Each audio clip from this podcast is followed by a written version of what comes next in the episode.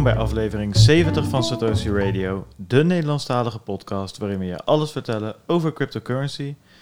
Ik ben Bart Mol en ik zit hier samen met Wijnand Luitjes. Ja, we lekker met z'n tweetjes, wel gezellig zo hè? Ja, we zijn lekker met z'n tweeën in het studiootje natuurlijk. We hebben een, eh, een biertje erbij. Het is namelijk al bijna, nou niet bijna acht uur, maar we komen in de buurt. Nou ja, j- jij hebt hem nog staan ja. Maar Ik- was iets eerder begonnen, dus ja, een beetje ja, fout. ja, ja, je moet nog Fout rijden, je moet nog rijden straks. Na de aflevering Nou ja, eh, kan je er weer En heen. ik heb je ijs, je koelkast die leeg of die ijskast. Ja, er staat hier in het studiootje was er een koelkast eh, blijven staan van de vorige, wat is het, eh, vorige bewoner. Die hebben niet begrepen dat je dat deur dicht moet houden, denk ik. Ja, de deur van en de koelkast en het ijsblok. Maar gelukkig had ik een, ja, hoe heet zo'n ding ook weer? Een ijzeren priem. Ja, het is geen priem, een bijtel is het.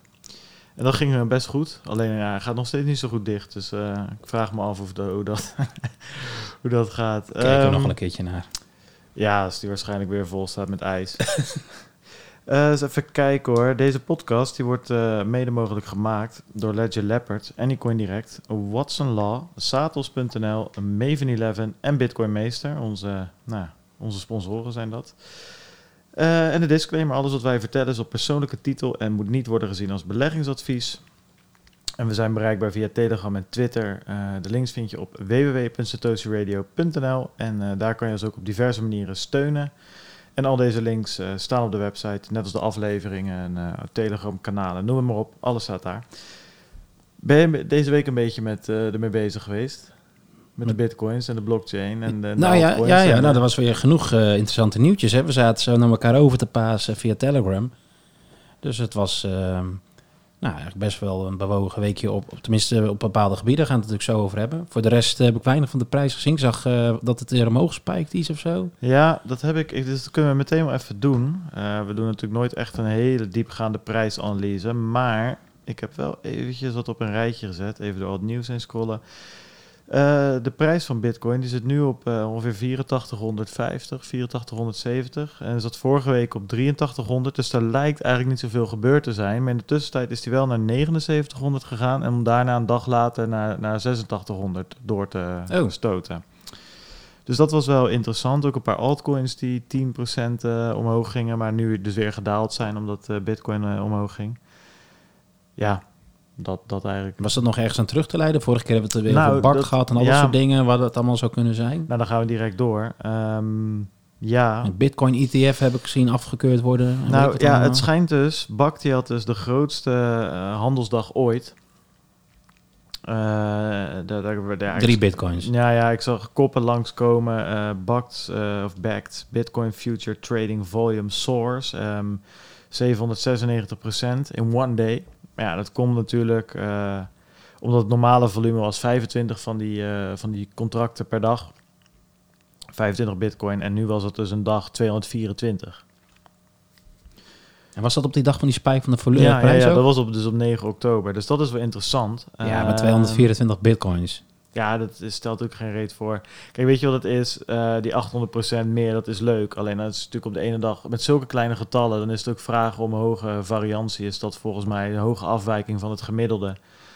Ehm, en dat is best wel, volgens mij is dat een hele bekende statistische ehm, eh, valkuil waar veel mensen, zelfs wetenschappers, intrappen. Ik heb dat een keer gelezen, dat was wel grappig. Was een, ehm, dat, dat ging om. eh, er werd onderzoek gedaan naar ehm, volgens mij de, de, de kans dat je kanker kreeg. Dat was in Amerika gedaan. Ehm volgens mij was het kanker, of dat was iets met, met, met wel, van wat voor school je. ehm, eh, IQ-test of whatever. En het kwam er dus op neer dat er in de, in, in, in de rurale gebieden, dus op het platteland, waren die mensen dus schijnbaar veel dommer. En daar, waren, ja, daar, daar lag het IQ, eh, of de uitschieters lagen daar veel lager. Dus de overheid die had daar van alles aan gedaan. En die hebben scholen proberen te, te, te vergroten en het onderwijs proberen te verbeteren. Maar uiteindelijk kwam het erop neer dat in die steden waren zoveel, eh, hoe noem je dat? Ehm, respondenten, zoveel mensen die die vragenlijst hadden ingevuld, zoveel datapunten, dat die extremen er gewoon, die vielen eruit. Ehm, En in die kleine dorpjes was het zo dat er zo weinig mensen woonden dat het gewoon dat je een best wel een grote kans had dat er uitschieters tussen zaten. Dus het was gewoon een statistische Ja, afwijking. als er één reageerde en die had toevallig die ziekte, dan was precies, dat positief. Precies, ja, ja. En, tuurlijk. en, en dat zie je dus nou ja, hier in kleine mate ook een beetje terug. Wordt gezegd van ja, 800% meer. Ja, dat komt omdat je zo weinig datapunten hebt en omdat het zo'n, eh, dat het zo, ja, hoe noem je dat zo, omdat er zo weinig volume is ook. Kijk, als je op een gegeven moment eh 3000, 4000, 10.000 bitcoin volume daar hebt. Ja, dan, dan, dan ga je dit soort dingen niet meer zien natuurlijk. Dus dat, het is een beetje uit zijn verband getrokken. Maar het is wel goed om te zien dat er meer, eh, meer gehandeld werd daar. Ehm, Maar we weten nog steeds natuurlijk niet door wie en wat, wat voor eh, institutionele beleggers daar dan daadwerkelijk zouden nou zitten. ja, niet veel. Maar in ieder geval eentje met in ieder geval niet eh groot volume aandacht inderdaad. Maar waar we het vorige keer natuurlijk over hadden, is dat het wel gewoon de weg, hè, dus niet alleen voor infrastructuur, maar regulations en al dat soort vraagstukken. Dit waan eh, natuurlijk wel de weg vrij Ja, naar misschien andere partijen die het ook kunnen doen, beter kunnen doen, et cetera. Dus het is vanuit dat oogpunt nog steeds wel knap wat ze daar neer hebben gezet. Los van dat misschien nu magere volume. nee, ik denk dat het hartstikke goed is. En ik denk dat je dat lekker, lekker moet laten gaan. Maar ze publiceren, waar, waar kun je dit dan zo makkelijk zien? Is dat Nou, publiceren ze dat al die contracten is- of hoe, hoe werkt dat? Niet echt, maar er is dus, eh voor mij is dat een Nederlander zelfs, die eh, heeft een Twitter, op Twitter een bot gemaakt, die heet BaktBot, dus B-A-K-K-T eh, bot, B-O- B-O-T. Hm. En ehm, nou ja, die publiceert volgens mij elke dag dus het volume van, van Backed. Oké, nou, dat is een keer interessant om te kijken hoe dat dan precies werkt. Ja, nou, ik weet, dat weet ik ook voor de rest niet. Dit, dit, dit, dit, eh, grafiekje komt bij hem vandaan en eh, dat is door Coindesk volgens mij overgenomen. Of Hm. Cointelegraph in dit geval. Oké. En jij wilt het nog even hebben over eh, Bitter. Ja, nou ja, we hebben natuurlijk onze grote vriend Ruben in, de, in de studio gehad. Mhm. Ruben Waterman. Dat is wel grappig. Ik had trouwens contact met de klantenservice van Bitter. En die jongen heet ook Ruben. Dus puur toeval natuurlijk. Nee, dat deed hij natuurlijk ook zelf. Dat heeft hij ook verteld. Hij, ehm, ja, hij is daar de schoonmaker en eh, klantenservice en eh, CEO, eh, financial, alles, alles in één. Nee, ik, ik heb het natuurlijk wel vaker over gehad. En het begint een beetje op een, op een gesponsord praatje te lijken. Nou, dat is niet zo. We worden niet gesponsord door Bitter. Mag wel natuurlijk, Ruben, als je luistert. Maar waar het op neerkomt, eh, ik, had het een tijdje terug ingesteld. Ik dacht, ga eens kijken hoe dat werkt. En eh, nou, dat, dat beviel me eigenlijk heel goed. Ik zit, zit nu inmiddels op zes weken. Ik doe elke week, maak ik hem... Of in ieder geval, ik heb een, een, betalings... ehm, eh, hoe noem je dat? Betalingsverzoek, een terugkerend betalings... ehm, nee, betalingsopdracht is dat volgens mij. Anyway, die heb ik ingeschoten in mijn, in mijn banking, mobiele, mobiele bankieren app. En elke week wordt er dus ehm, wat, wat euro's overgemaakt naar Bitter. Ehm, Bitter die eh, koopt daar bitcoins van en die stuurt dat terug naar mijn bitcoin adres. Nou, ik had dat gewoon met één uniek bitcoin adres gedaan. Maar toen zag ik op een gegeven moment dat ze dus eh, eh, functionaliteit voor zogenaamde XPub adressen, dat zeg ik niet helemaal goed, maar dat hadden ze dus toegevoegd. En dat betekent Dat had hij toch ook toen gelicht? In ja, dat, dat, dat had hij toen gezegd dat het eraan Ja. zat te komen. En we hebben al een keer gezegd dat het er is. En nu zeg ik eigenlijk dat ik het uitgeprobeerd heb. En dat Mhm. werkt echt opzienbarend goed. Wat je dus doet, je maakt een nieuw adres aan. Dat hoeft niet per se, maar dat is wel het handigste. En eh, dan kopieer je dat XPub eh, eh, adres eigenlijk. Ehm, en dat is eigenlijk de, ja, de, de, de, de kapstok, de verzameling van al die adresjes die daaronder kunnen hangen. En aan de hand van dat adres kan eh, ehm, eh, eh, Bitter dus allemaal nieuwe adressen aanmaken waar ze dus elke week wat naartoe sturen. Nou, dat is heel, klinkt allemaal heel moeilijk. Het komt er dus eigenlijk op neer dat ze nooit een bedrag of een transactie doen naar hetzelfde adres. Dus elke week is er een nieuw adres. En ik kan op mijn wallet, in dit geval mijn Ledger wallet, kan ik alles bij elkaar voegen en in één keer versturen als ik dat wil. Ik hoef niet allemaal van verschillende adresjes te, te versturen. Ja, precies. Je hebt dus niet die transactiekosten van al die kleine stukjes uiteindelijk. Of een hele soort puzzeltocht Ja. administratie waar je dat moet gaan Nee. zoeken. Maar het voordeel is dus dat normaal gesproken hè, in de oude situatie, als iemand mijn Bitcoin-adres kende, dan kon die elke week zien dat daar geld van, Mhm. of bitcoins vanuit Bitter naartoe kwamen. Nu, als je toevallig één adres kent, ja, dan kan je dat één week tracken en de volgende week is het een nieuw adres. Volgende week is het een nieuw adres. Ja, want statistisch zit daar dan tenminste geen verband in. Of in ieder geval is dat heel moeilijk te kraken wat dat verband is. Dus het is niet terug te herleiden naar jouw andere wallets. hè? Nee, volgens mij niet zo snel in ieder geval. Behalve als je die Xpub hebt. Dan heb je in één keer Maar dan heb alles. je precies, dan heb je zeg maar de, de moeder. Ja, en dat Ja. zegt eh Bitter dus ook van joh, die maak voor ons speciaal een nieuw adres aan. Je deelt die xpub met ons. En eens in de zoveel tijd trek je dat eh, adres leeg en stuur het naar een, een adres waar je eigenlijk alleen zelf de xpub van weet. Dat is dus het idee. En ik moet zeggen, het werkt top. Het, is echt, eh, het gaat zo gek. En ik merk ook, maar dat, misschien weet jij dat, dat als ik nu gewoon los een keer bitcoins wil kopen, dus niet periodiek, maar ik heb gewoon een, een, eh, een, een weet ik voor mijn verjaardag wat geld gehad of zo, of ik heb wat over, dat ik zeg, nou, ik wil voor 200 euro bitcoin kopen, dan kan je dat dus ook gewoon naar Bitter sturen. Je gebruikt gewoon hetzelfde betalingskenmerk als wat je hebt. En je stuurt 200 Mhm. euro erheen. En nou, ik heb het vandaag even geprobeerd met 50 euro. Drie uur later staat het op je Ja, rekening. dus het is niet alleen een soort geplande of automatische incasso. Je kunt ook nog eens gewoon extra Ja. sturen. Ja. En dat is anderhalf procent fee. Ja, ik weet niet precies ehm, hoe, hoeveel zou je zitten met als je dat bij Coinbase bijvoorbeeld doet met een SEPA. Poeh. Ja, SEPA is wel redelijk goedkoop. Misschien moet je het vergelijken met de Nederlandse brokers. Ik denk dat dat het... Maar ik eh, zag dat Coinbase Pro ging volgens mij ook naar anderhalf procent of zo. Maker en taker fees. Ja, het is al een tijdje geleden dat ik het echt via zo'n platform heb gedaan. Maar dat was altijd wel, zou ik zeker via de creditcard. Maar dan betaal je fees overal. Ja, ik ben ook dus wel benieuwd. wat je best kan, flink. kan even kijken wat, wat je bijvoorbeeld bij een... ehm, Maar het zal er niet ver boven zitten meer, denk ik hoor. Volgens mij heb ik het wel eens eh, vergeleken. Dus, eh, Ja, weet je, anderhalf procent in ieder geval voor mij. Ja, ik wil het even kijken, maar er liggen een paar websites hieruit. Nou, anyway, anderhalf procent is voor mij, zeg maar, heb ik zoiets van, nou ja, weet je, dat, dat, eh, dat, volgens mij is dat niet super hoog of zo. nee, en stel dat het eigenlijk anders 1.4 is. hè, Dat maakt dan ook niet uit. Nee, en, en hier moet ik zeggen, het is best wel simpel. Want je hebt, die, je, je hebt het gewoon in je ING, of ING, Rabobank, maakt niet uit. Maar je hebt het in je mobiel bankieren app, staat Mhm. gewoon zo'n transactie. Die kan je herhalen met hetzelfde betalingskenmerk. En je klaar, je hebt er geen omkijken meer naar. En een, paar, ja, wat ik zeg, een paar uur later staat het in je eigen Bitcoin wallet. Ik vind dat echt een uitvinding. Ik maak me er ook een stuk minder druk om, zeg maar. Kijk er niet naar en elke week spaar je gewoon iets in, iets in Bitcoin. Dat kan je met vijf, voor mij vanaf 25 euro of zo. Super interessant. Dus, ehm, nou ja, wat ik al zei, is geen, eh, geen reclame, maar meer gewoon een echt een ontzettend gaaf, gave service eigenlijk. Waar ik En, helemaal, en gewoon via Google heb je uiteindelijk gevonden hoe je zo'n EPUB eh, of XPUB adres dan aanmaakt op je ledger. Is dat is- Nou ja, je? Xpub, dat, dat, voor zover ik weet, zit dat altijd gewoon in je adres op je ledger. Want als Mhm. jij op je ledger Ja, ehm, ja. ehm, zegt van ik wil coins receiven, Mhm. Eh, moet je maar eens proberen. Dan krijg je een adres. Nou oké, eh, dat kan je gebruiken. En als je de volgende keer weer wil receiven, maar hij maakt sowieso al nieuwe adressen Ja, aan. En dat doet hij aan de hand van zo'n X, aan, ja, dat Xpub adres noem ik het maar even. Die Xpub, ja, key, whatever, hoe je dat wil noemen. En eh, dat is nu precies hetzelfde. Dus elke keer wordt er gewoon een nieuw adres gemaakt. En al die adressen blijven ook geldig. Hè? Het is niet zo dat als er een nieuw adres is, dat het vorige ongeldig is. Maar je blijft gewoon tot in Ja. de oneindigheid nieuwe adressen genereren. Heel interessant en het werkt, eh, werkt top. Ja, en ik vind het ook... Kijk, weet je, met dit soort dingen... We hebben Ruben natuurlijk gesproken. Hij is in, de- in zijn eentje...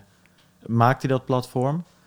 En eh, wat, wat, wat we net gekscherend zeiden... Hij is koffievrouw en eh, schoonmaakster... en helpdesk-medewerker in één. Maar het is ook echt zo. en ik moet zeggen, het werkt wel gewoon als een trein. Dus... ehm, nou ja, dat, dat, mag best wat aandacht aan gegeven worden. Hey, wat natuurlijk groot nieuws was deze week... is dat... ehm, ja, de Libra was weer... eh, Nou, niet vol, alleen eh, deze week, maar we hadden natuurlijk vorige week ook over gehad, hè, over PayPal. Dat die niet op een event eh, zou komen zijn opdraven. Ja, en toen was het nog fut. En toen was het fut en het was niet waar, of er waren andere redenen waarom was ze... niet, du- niet duidelijk in ieder geval nog. Ja, precies, waarom ze dus niet daar zouden zijn. Het was een... Ja, volgens mij waren heel veel, of dat weet ik niet eens eigenlijk, of alle 26 zijn het geloof ik uiteindelijk. Ja, ik ehm, heb ze nog even op een rijtje gezet, maar daar kunnen we het zo nog even over hebben. Nou, ik- waren er wel meer waarschijnlijk niet. Eh, maar PayPal is natuurlijk een relatief grote naam. Ehm, dus eh, redelijk eenvoudig. Een, een, een fintech waar je met de middel van een e-mail-account eigenlijk een soort bankrekening hebt. Best wel veel gebruik, zeker als je dingen van eBay of weet ik veel wat verkoop. Je zit daar goed met je insurance. En die waren ja, natuurlijk ook deel. Ja, PayPal is natuurlijk wel mega. Ja, is huge. Dat is echt huge. enorm. Maar die eh, zijn er echt uitgestapt, hè? Ja, die zijn er inderdaad uitgestapt, ja. Die ehm, werd toch wat te heet onder de voeten, denk ik. Ja, en verba het verbaast het jou uiteindelijk? Mij niet echt namelijk. Als je gewoon ziet welke partijen... En heel in het begin al voor die hearing hebben we natuurlijk ook een uitzending aan gewijd. Ja, wat is er to gain voor dit soort bedrijven? Ze nemen enorme risico's met allemaal backslash op legal, maar ook op gewoon Nou ja. re- reputatie. Ja, wat is er de gain? Weet je, je legt 10 miljoen in. Ja, wat, wat is dat Ja, nou kijk, en financieel- nee, dat, trekken ze uit een... eh, eh, dat, dat, dat, dat, is wisselgeld. De initiële investering is natuurlijk peanuts, maar eh, imago-schade, regulations, ze Ja, komen dan, stap je er toch nu uit. Zeg Ja. maar dan... de- wat ik denk, je stapt erin, je legt die 10 miljoen neer. Of ze dat al gedaan hebben, weet ik eigenlijk niet eens. Maar laten we ervan uitgaan dat je dat misschien gedaan hebt. Ja, nou ja, en dan kondig je dat aan en dan valt de hele wereld over je heen, stap je er weer uit. En in het geval dat de hele wereld er niet overheen was gevallen, had je gezegd, nou prima, dan, dan, dan zijn wij medeoprichter van een nieuwe currency. Ik bedoel, de upside is natuurlijk enorm. Dat is waar, maar als ze er zo in zaten, was redelijk naïef. Want je weet natuurlijk wel dat je echt een kast opentrekt waar een shitstorm in zit. Nou, niet te geloven. Ja, high risk, high reward zou je denken, hè? 10 miljoen is een gokje. Ja, maar juist, juist met zo'n Facebook om het daarmee samen te doen, is dan Ja. nog zelfs wel de rode lap, weet je wel. Want ja, daar zat al eh, schandaal na schandaal. Eh, iedereen houdt het in de gaten, weinig vertrouwen. Ja. Nou ja, kijk, wat PayPal dus uiteindelijk gezegd heeft is... uh, we remain supportive of Libra's as- aspirations... and look forward to continued dialogue on ways to work together in the future. Facebook has been a long-standing and valued strategic partner to PayPal... and we will continue to partner with and support Facebook in various capacities. Dus ja, dat, eh, voor mij bevestigt dat een beetje wat we net zeiden. Het is gewoon te risicovol. Ja, een hand sch- ja, het klinkt als een beetje een gentleman's agreement van we schudden de handen, we gaan uit elkaar. Maar eh, de, de, de deur staat nog op een kier, mogen het toch wat worden. Ja, kijk, en het is natuurlijk niet zo. Hè, ik bedoel, eh, PayPal is een van de grootste payment providers ter wereld. En Facebook een van de grootste eh, social, ja, wat is het, social networks ter wereld. Dus ja, die blijven natuurlijk heus wel samenwerken in alle andere dingen, behalve die, die crypto Maar doen ze wat samen verder dan? Betaal je, kun je bij Facebook betalen met PayPal? Ik heb Nou, dat lijkt me wel. Ik bedoel, Ja, PayPal voor is... ge- eh, voor die spelletjes. Ja, bijvoorbeeld. Maar ik denk nog meer voor advertentieruimte. Oké, ja, dat zou kunnen. Ik heb, ik heb geen idee. Nou, ik, ik durf dat, ik durf het wel met zekerheid eh, te zeggen dat, dat je daar met PayPal kan betalen. Ik bedoel, je kan eh, sowieso met creditcard betalen, Mhm, maar mhm. zeg maar waar je in Nederland Ideal hebt, heb je in Amerika creditcard, PayPal, Apple Pay is daardoor ook zo enorm groot geworden, omdat er een enorm gat is in, in die hele payment eh, industrie. Ik bedoel, je kon daar, zo'n bankinterface als, als wij die hier hebben, voor zover ik weet, bestaat dat niet in Amerika. Ja, dat ik niet te zeggen. Je koppelt je bankaccount aan PayPal of aan Apple Pay Mhm. later. En daarmee kan je dus op internet makkelijk betalen. Ja, of met je creditcard. Dus die hele ideal-achtige koppeling die, die wij hier hebben, waar je met je bankapp echt daadwerkelijk kan betalen, volgens mij mist die gewoon volledig. Ja, in ieder geval was het altijd natuurlijk op krediet alles kopen. Dat ja, is dat- sowieso die, die hele samenleving eh, die, die is gebouwd op, op krediet. Dus, ehm, maar goed, wel interessant. En nou, wi- nou wil ik wel van jou eens weten. Ik zat even te kijken. Ehm, ik heb een screenshotje in het, ehm, in het document geplaatst. En daar zie je dus eigenlijk dat dat screenshot kent iedereen wel. Dat is alle, alle partners die in dat Libra-netwerk zaten. En zo eens even te kijken. Ja, dan, dan is het natuurlijk even de vraag. Als PayPal hieruit stapt, ja, wat gaan Mastercard en Visa doen? Om een voorbeeld te geven. Nou, ik zag al, Stripe is natuurlijk ook enorm. ik zag al Ehm, wat geruchten dat, je ook, wel- dat die zich zorgen zouden maken om waar het nu heen gaat. Ja, dat kan ik me voorstellen. Dus dat zal niet alleen eh, bij deze partij leven. Maar ik denk omdat, vooral omdat deze partijen... Je hebt dat plaatje inderdaad wat op de Libra-organisatie eh, website staat, of Foundation. Aan de rechterkant zijn allemaal van die eh, ja, payment providers. Of zelfs creditcard providers, nou of PayPal. Die zitten natuurlijk in de financiële sector. En die zijn per definitie zwaar gereguleerd. Ja, Ja, dat is niet eh, gewoon de, de, de customer of AMDL, of tenminste anti-money laundering. Hè. Dat zijn al van die mooie termen. Het is niet alleen dat. Het, het, het gaat maar door. En het- zij zetten natuurlijk enorme financiële eh, licenties op het spel. Als zij eh, misschien worden beboet of op de vingers worden getikt door iets zoals meedoen met Libra. ja. Is dat voor een Spotify, is dat risico compleet anders. Dat is een muziekstreamingdienst waar veel minder regulatie op zit. Ehm, ja, die kunnen volgens mij gewoon lekker een beetje freeloaden. Die gaan kijken waar het heen gaat. En die betalen die 10 miljoen. En dat is een heel ander risicoprofiel. En, en, hetzelfde geldt denk ik als voor een eBay, een marketplace en, en, en een Uber. Nou ja, wat je van Uber kun je heel veel vinden, maar dat is uiteindelijk een taxidienst. Ehm, ja, en zo zijn er wel wat, wat meer van dat soort partijen. Dus het is denk ik gewoon aan de rechterkant al die financial services.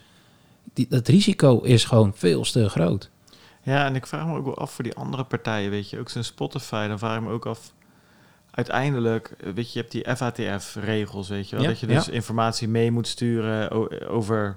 Of betalingsinformatie mee moet sturen met de transactie naar de ontvangende partij en, enzovoort.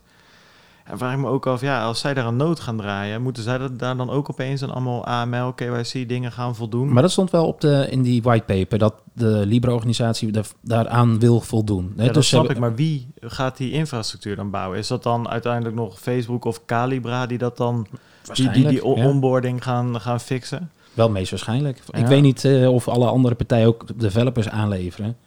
Nee, die gingen Ehm. wel notes draaien. Dus ja, dan weet je ook vanuit GDPR gezien en dat soort dingen, ben je wel actief dan betrokken bij, bij, bij iets wat is natuurlijk wel- data eh, processed. Voor die rijdende trein zoals Bitcoin, decentraal, is dat natuurlijk heel anders dan een, een gesloten netwerk waar je het gewoon in design kunt meenemen. Ja. Je weet dat deze tien jaar geleden was misschien niet voorzien, voorzien dat het zou komen. Dan vragen is of het dan erin zou gebouwd zou worden, maar hè, dat, los daarvan. Ze weten dat het komt. Dus je kunt in je design dit gewoon inbouwen, dat het meegaat op een bepaalde manier en dat het misschien nog versleuteld wordt. Ik weet ik veel wat er allemaal mogelijk is.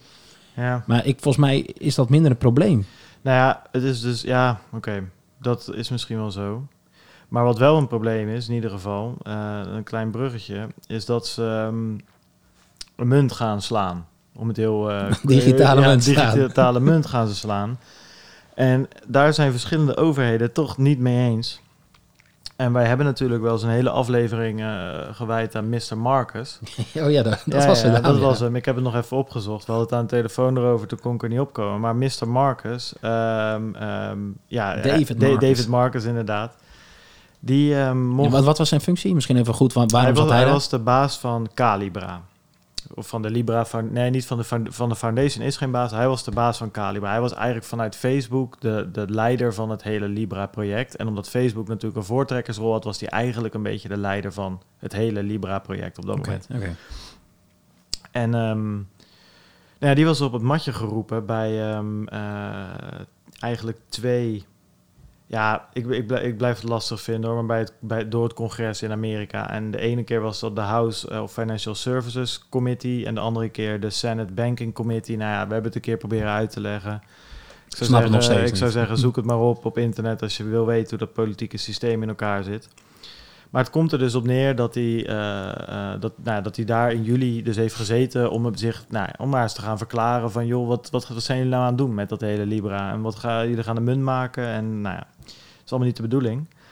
Ehm, daar daarna werd ook gezegd door de, ehm, ja, de voorzitster van dat congres of van die, van die senaat of whatever, die, eh, die heeft gezegd van joh, jullie moeten dat hele project on hold zetten totdat wij als regelgevers, eigenlijk wetmakers, meer weten wat het is en hoe we dat gaan reguleren. En daar zijn ze dus ook een eh, wet voor aan het maken, namelijk de Keep Big Tech Out of Finance Act. Is, wat, is dat dan aan de hand van die eerste hearing of liep dat al dan?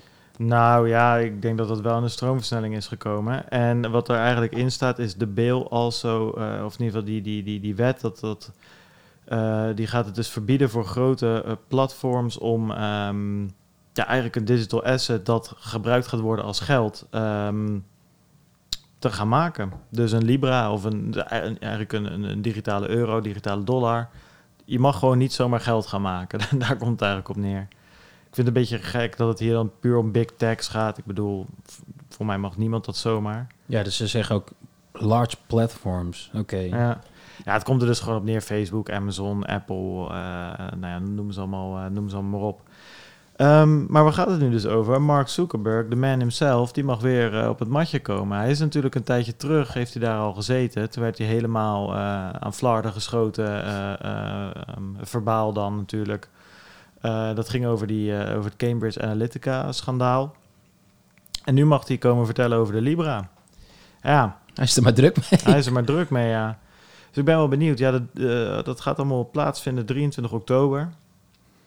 En ehm, Maar wat, ga je ervan, wat verwacht je nou dat er gaat gebeuren? Wordt het nou gewoon ja, vergelijkbaar? hetzelfde, alleen dan op een niveautje hoger. De vorige keer hadden ze Mr. Marcus. En nu hebben ze de, de grote baas hemzelf eh, die, die langs mag komen.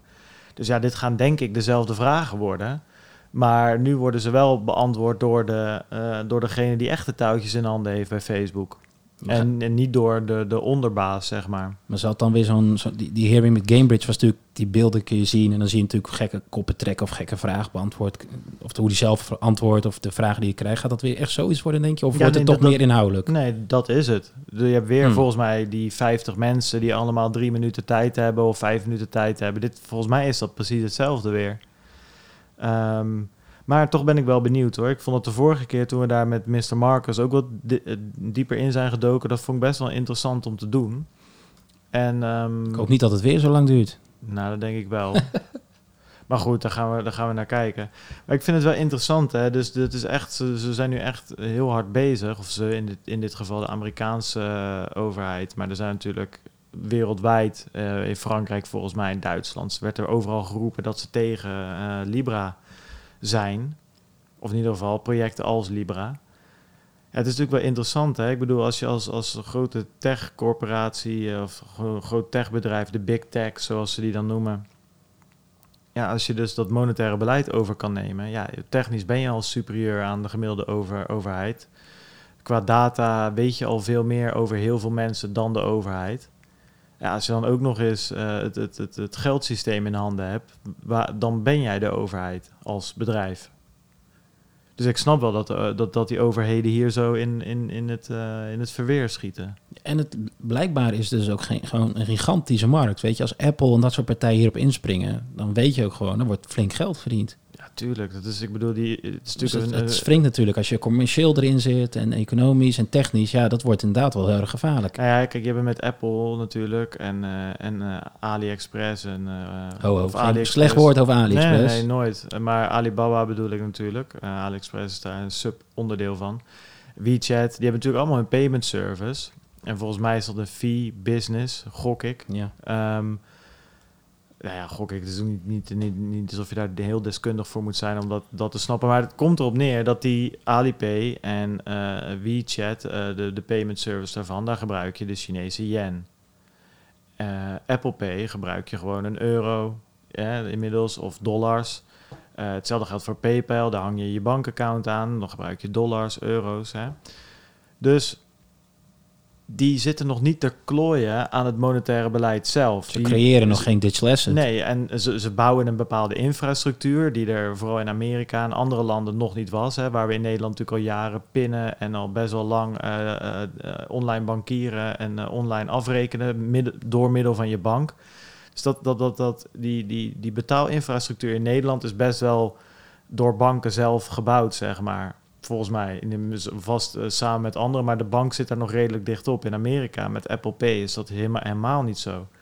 Je, je koppelt je bankaccount aan Apple Pay en in de winkel kan je betalen met Apple Pay, niet met je pinpas. Niet zo makkelijk met je pinpas in ieder geval. Maar jij gebruikt sinds kort natuurlijk best wel actief Apple Pay. Gebruik je ook al die andere extra features? Of het, want zijn niet er? Want nee, zijn, het enige wat het is, het is gewoon een digitale pinpas. Ja, precies op je NFC. Goed, ik, ja. maar ik, ik gebruik dus gewoon Android, dus ik gebruik niet per se Apple Pay. Um, maar ik heb op die website gekeken met die creditcard die ze willen doen met al ja, die opties ja, en al die fancy van waar heb je wat gekocht, welk moment en al dat soort nee, dingen. Dat, dat zit er nog niet nee, in, nee, of wel? Nee, dat heb je hier niet. Het is echt, het zit in je wallet app en naast je, naast je, naast je bioscoopkaartjes en je vliegtickets okay. en dat soort dingen.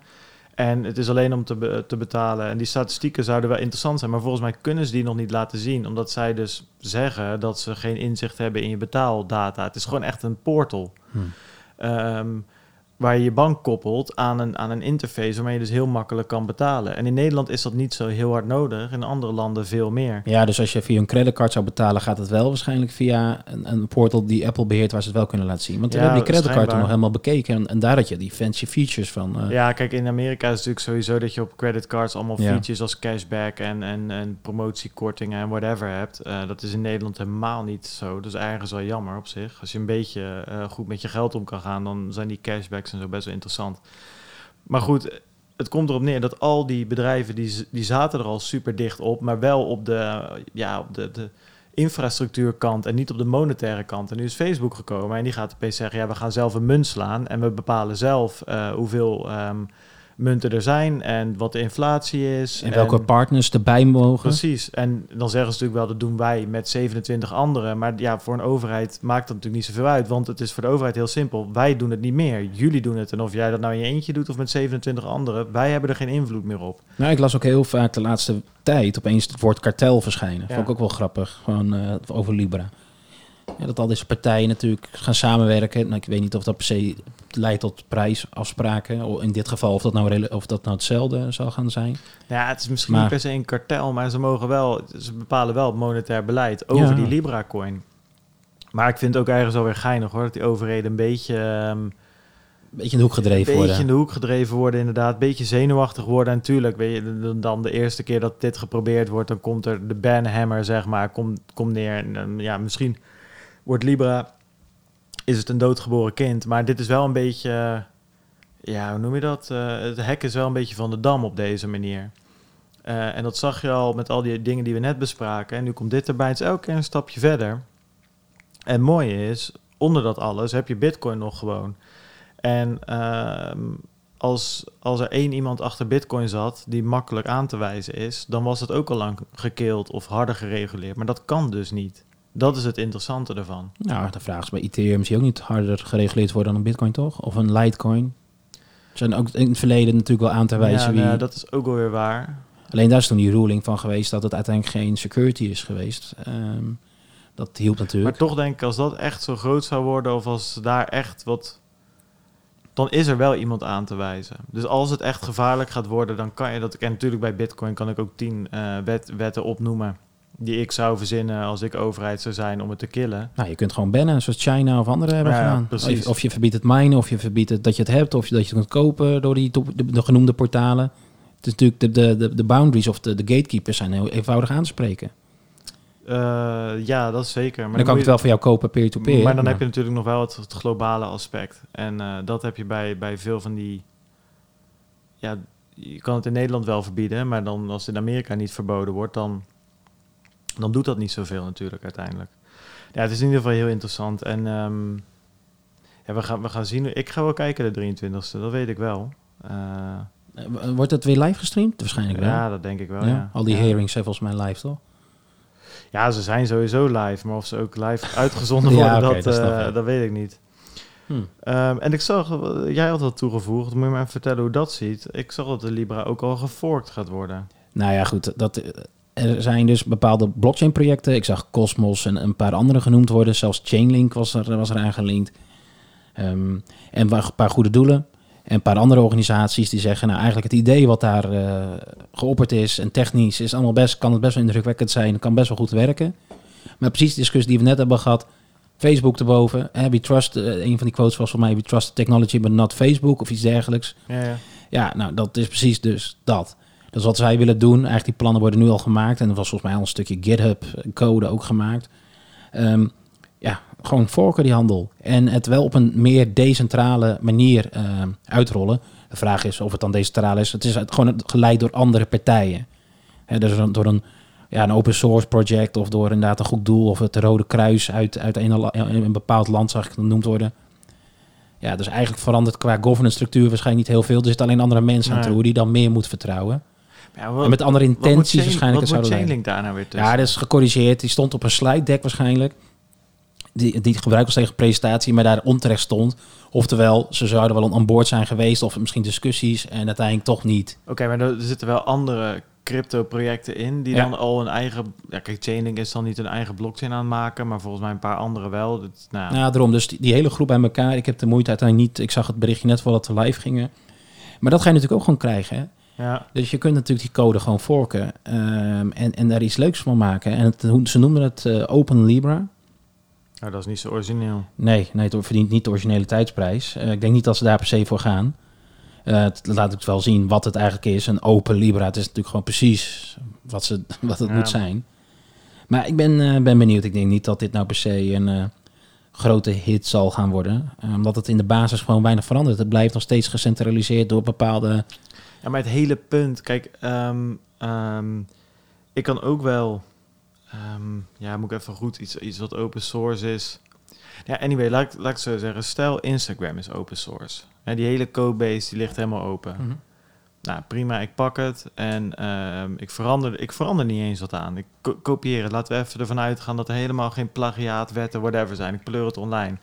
Dan heb ik niks. Want niemand gaat overstappen naar mijn Instagram. Ja, of Instagram of Facebook moet iets... Denk aan Ether Delta. Werd geforkt naar Fork Delta. Ja. Nou, de gebruikers gingen wel over. Waarom Ether Delta was overgekocht door een, een of andere Chinese Ja, oké, partij. dat was die, die hele site diep, diep te prutten. En dat, dat is waar, dat, dat zou kunnen. Maar het is meer mijn, mijn, mijn punt is, wat Libra zo eh, mogelijk zo sterk maakt, wat, wat het zo, zo promising maakt, zo veelbelovend, is dat je al die grote partijen hebt. Ja, maar waarom?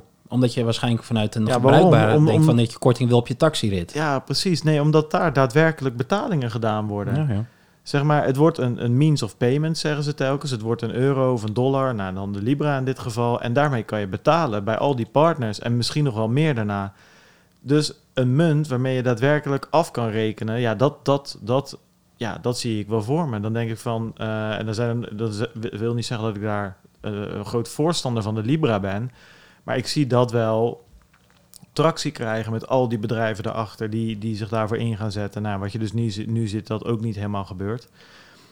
Dus dan kan je dan wel forken. Maar ja, dan zit je dan met, met, met, met, met, Met een paar Cosmos met een paar en dat soort lui, ja. Cosmos en, en, eh, en Chainlink. Ja, dat, dat is dan leuk. Maar daar, dan ik kan ik met hun Open Libra munt niet meer betalen bij eh, Uber, om een voorbeeld te geven. Dus ja, dan heb ik er. Dan, dan valt het eigenlijk het hele... Maar dat is toch gewoon het platformdenken of het netwerkdenken. Ja, je bent Ja, zo sterk als wij het kunt Ja. gebruiken of mensen die aangesloten Ja, zijn. dat is het netwerkeffect. Ja, Ja. dat klopt. Eh, maar dat is wel een heel, se- dat is een heel belangrijk effect. Dat kan je niet zomaar...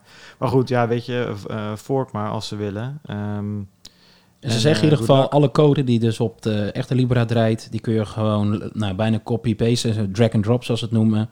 En het werkt. Nou ja, dat zijn natuurlijk allemaal plannen. Er is nog niet veel. eh, maar dat zal, is, het zijn intenties. Ja. Nou ja, good luck. Ehm, ik zag nog wat anders. We hadden het net over eh, onze, eh, ja, eigenlijk onze favoriete website, onze favoriete bedrijf, namelijk Alibaba. En AliExpress, vooral in ons geval natuurlijk. Eh, en die hebben Alipay. Nou, eh, wat kwam er nou naar buiten is dat onze eh, CZ, de baas van Binance, die werd gevraagd op Twitter door iemand: Is Binance now accepting fiat on-ramp with Alipay and WeChat Pay? Exciting news. Would love for someone to confirm. Er waren dus geruchten dat dat zou zijn. Ja, die, er zat een screenshotje bij. Dus waarschijnlijk was het al een soort van doorgevoerd op de site Hm. Voor een, eh, voor een aantal gebruikers. En eh, CZ die zei daar in, eh, in caps lock yes. Dus Alipay en WeChat Pay, daar, daarmee kon je betalen. Ehm, en Alipay, het officiële account, heeft er dus op gereageerd op die tweet in hoofdletters no, you cannot. Dus nee, je kan niet betalen. En daaronder nog een heel verhaal van dat ze allemaal heel goed kijken naar P2P betalingen en zus en zo. En ja, toen werd het een heel wazig verhaal. Maar het is meer, het plaatje ziet er gewoon zo geinig uit. Dat je één iemand hebt die een vraag stelt, CZ die yes zegt en daarna Alipay die, die no zegt. En het zijn ook de verified accounts. En er staat zo'n vinkje Ja, achter. ja, is dacht ja, ik dat ja, ja, al... dat eh, zijn geen, eh, hoe noem je dat? Ehm, maar kun je eh, nou... mee- Kijk, maar wat, wat, wat zou het idee zijn? Dus in, Ja, wat, gewoon net als dat je met PayPal ergens kan betalen of Ideal of creditcards. Gewoon een extra on-ramp. En dat is natuurlijk super interessant aangezien er mega veel Aziaten zijn die dat gebruiken. Ja, want Binance is niet te langer alleen maar crypto-crypto. Ze hebben toch ook USD of zo on-ramps? Of, of is het alleen nog crypto-crypto? Dat weet ik eigenlijk niet eens. Dus dit zou de eerste fiat on-ramp zijn. Ja, creditcards deden ze volgens mij. Dat vond ik altijd zo gaar uitzien. Voor mij waren ze er wel mee bezig. En ze zitten nu op P2P trading. Maar ja, dat snapte ik ook niet helemaal. P2P trading doe ik toch al? Ik bedoel, trading is toch peer-to-peer? Ja, Ja, jij en ik zonder exchange ertussendoor, denk ik dat ze bedoelen. ja, maar hoe kunnen zij dat nou aanbieden? Nou, dat was dus... Nou, niet. Maar iemand, een van die gebruikers zei ook van... Dus in de peer-to-peer... Stel dat ik jou een bitcoin geef... En jij stuurt in, in de header van de betaling eh, Ja. bitcoin. Daar, dat is natuurlijk wel een woord waar ze kunnen monitoren. Ja, nee, dat snap ik. Alleen, eh, er wordt dus bijvoorbeeld ook gezegd dat, dat WeChat en eh, Alipay... dat dat ook gebruikt wordt voor peer-to-peer betalingen. Mhm. Ja, maar dat is toch ook raar? Kijk, de- zeg maar, de Ik kan jou zeg maar gewoon via Alipay naar jou iets... soort Paypal. Dat is ook Ja, maar dan zijn zij toch ook een peer? Zeg maar, het is toch niet direct naar elkaar? Snap je ook? Nee, er zit natuurlijk een centrale server Dus- tussen. Nee, nee, precies. Ja, nou ja, en de dienst van hun zit Ja, er tussen. ja. Net als dat er normaal een bank tussen zit. Ah, Dus- zo bedoel dus- je, dus ja. ik zat een beetje te kijken, wat bedoelen ze nou precies met het hele peer-to-peer Volgens mij trading? gewoon wij, van Binance? wij als gebruikers van, van, van de account zouden iets elkaar geld kunnen sturen. En ik verkoop jou, eh, wat is het, ehm, over de counter verkoop je een paar bitcoins. En jij zegt in die transactie eh 10 bitcoin gekocht. Ja, Dat is volgens mij waar monitoren. En zo'n gebruiker had zo'n heel stuk uitgetypt ook eh, onder dit. eh, ja. het werd in ieder geval vaag voor mij. En ik vond dat Coindesk, Cointelegraph het allemaal niemand niet echt lekker eh, uit. lekker uit konden leggen. Lekker cryptisch, die, eh, die, liggen op vakantie, die denk liggen ik. op vakantie. Die heb ik ook al een week geen artikelen zien. Sinds dat ze bij ons weg zijn gegaan. nou ja, wij hebben opgesloten gezeten. Maar ik, misschien zei zij, ze hebben ze ook die shortcut genomen. ja, nee, dat was natuurlijk mooi. Toen wij van lekker cryptisch, toen ze hier de studio uitliepen, toen, ehm, moesten wij natuurlijk naar de auto. Die stond aan de achterkant geparkeerd. Toen zijn we over een industrieterreintje gelopen. En toen viel achter ons, alsof we een soort kasteel inliepen, viel het hek dicht. Toen hebben we daar een half uur vastgezeten. Terwijl Ja. we daar eindelijk uit stond onze auto achter een hek, die ook niet meer open ging. Nou, we De waren, rest van de avond in McDonald's zitten wachten op de beheerder. Nou, dat was een topavond. Met wat al je, je laptoptassen, je pakken. en alles. we waren acht uur klaar. En volgens mij eh, half elf of zo konden we, konden we er vandoor. Ja, dat was niet best. Dat doe ik Dus, ook erop lachen, maar toen was het Nee, ja, jij kon... Kijk, ik was, ik was die vrijdag daarna natuurlijk gewoon vrij. Dus ik had, zat al in mijn chille weekend mood. Maar jij, eh, jij zat er iets anders in. Ja, wat wil je? Met mijn pak aan, een spijkerbroek en een pakjas en een shirt Satoshi. Satoshi Radio shirt aan. Ja, man, dat was wel mooi. Maar goed, hoe dit nou met CZ eh, af gaat lopen, ik weet het niet. Maar ik vond het geinig, ehm, geinig om te zien. Ja, maar dit soort dingen, dit is nog steeds die crypto-wereld. Staat het ergens in de broncode toevallig eh, drie letters achter elkaar eh, wat op iets ja, lijkt, dan is is dus het boom. niet. Nee, maar hij Maar confirmt hij het zelf. Ja, en dat is natuurlijk wat raar is. En dan wat wel heel geniaal is, no, Ja, you cannot. ja, maar de, de baas van Binance zegt inderdaad... ja, wat jij hier inderdaad, jouw aanname die je doet, die klopt. En gewoon een halve dag daarna of een paar uur daarna wordt er direct gezegd... nee, klopt niks van. Ja, dat vind ik, dat vind ik wel mooi. Daar kan ik wel van genieten. Ik zag ook wat voorbij komen, eh, dat had ik helemaal zelf gemist. Jij bracht het aan eh, Quadrica, onze, Ja, eh, onze ja, exchange dat- uit dat- Canada. dat is toch ook alweer een half jaar geleden. Maar daar zaten we altijd... we hadden elke week wel, wel iets rondom de hacks. Ja, ik, ik, ik, ik, ik, ik De van dan. Niet een of andere enge hacks in een, in een bos of zo. Maar nee, ja, daar hadden we elke week wat. En Quadriga was toch wel een van onze lang... Ja, nou niet onze, maar dat was wel een langlopende soap. soap. Ehm, ja, ik, ik moest weer even inlezen hoe dat nou zat. Quadriga. Ja, dat is dus een, een Canadese exchange. Ja, volgens mij ook nog wel eh, van, van enigszins eh, respectabele Zeker grootte. voor die regio toen, Ja. ja. ja. En eh, op een gegeven moment verdween de eigenaar, namelijk Gerard Gerard Cotton. En die was vertrokken naar India.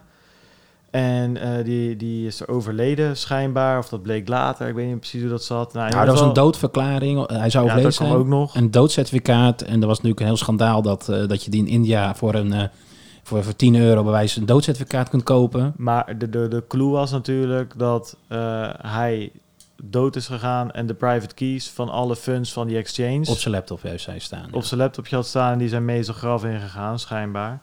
En er was 250 miljoen Canadese dollar, dus dat is ietsjes minder in... ehm dat is volgens mij 20% minder of zo, maar iets in die richting. Voor mij komt Mhm. het uiteindelijk uit op 214 miljoen of iets in die richting. Waarvan er nog 30 miljoen teruggevonden eh, of teruggerecoverd zouden kunnen worden. Dus ehm, ja, er was heel veel geld kwijt. En er waren nog dus best wel veel mensen die daar wat hadden staan. En die konden fluiten naar hun geld. Nou, er was ook wel een speciale rol weggelegd voor de weduwe van die, van die vent. Die heet Jenny Robertson. En eh, ja, die wist er allemaal niks van af. Nee, maar die, dat er een, een, dik huis, een privéjet en allemaal dat op de dam stond bij wijze van, was heel normaal door het runnen van een exchange.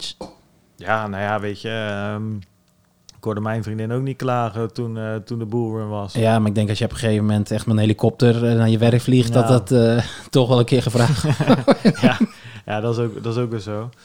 Ehm, maar goed, die heeft dus nu gezegd van... joh, eh, weet je, die privéjet en al die andere mooie spulletjes die ik heb gekregen... nu terugkijkend en nu er meer informatie over mijn man naar buiten is gekomen... snap ik inderdaad dat dat niet helemaal netjes verdiend is waarschijnlijk... of iets in die richting. Dus dat wordt nu geveild of verkocht. Ja, dat moet dan 9 miljoen opleveren. Let wel, volgens mij Canadese dollars... of 13 miljoen Canadese dollars of zo... Ja, dat is natuurlijk een schijntje. Dus en elke keer lees ik weer dat EY dat vastgesteld heeft. EY natuurlijk een grote accountant, groot accountantskantoor, een van de big four. Ja, ik weet ongeveer hoe die tarieven zijn, maar ja, weet je, als die er ook al zo lang bezig zijn, dan kan, was dan toen toch kan een gedeelte van die 9 miljoen daar wel heen. Dat is toch ook post terug dat over die vier inderdaad. Hoeveel er verdiend was door verschillende partijen, ook advocatenbedrijven Ja, en ja. anderen. Dus er wordt gewoon natuurlijk ja, uurtje, factuurtje gerekend. En eh, ja, dat mag ook gewoon. Ik bedoel, En zij eh, waren ook verplicht, maar dat was voor mij Ja. ding. Zij waren verplicht om zo'n partij natuurlijk aan Ja. te nemen. Dat is natuurlijk vaak een beetje het, eh, het lastige daaraan.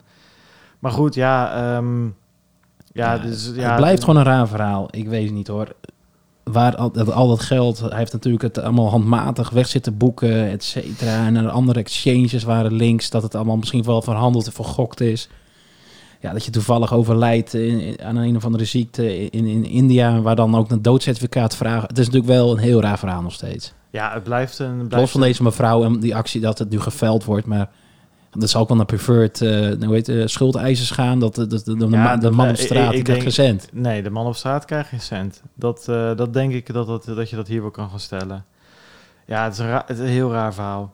Maar goed, ja. Ja, we zullen het waarschijnlijk nooit weten. Of opeens eh, over de 30 jaar duikt hij ergens op. Een oud mannetje, eh, een helikopter in India, eh, waar die nu is dan. ja.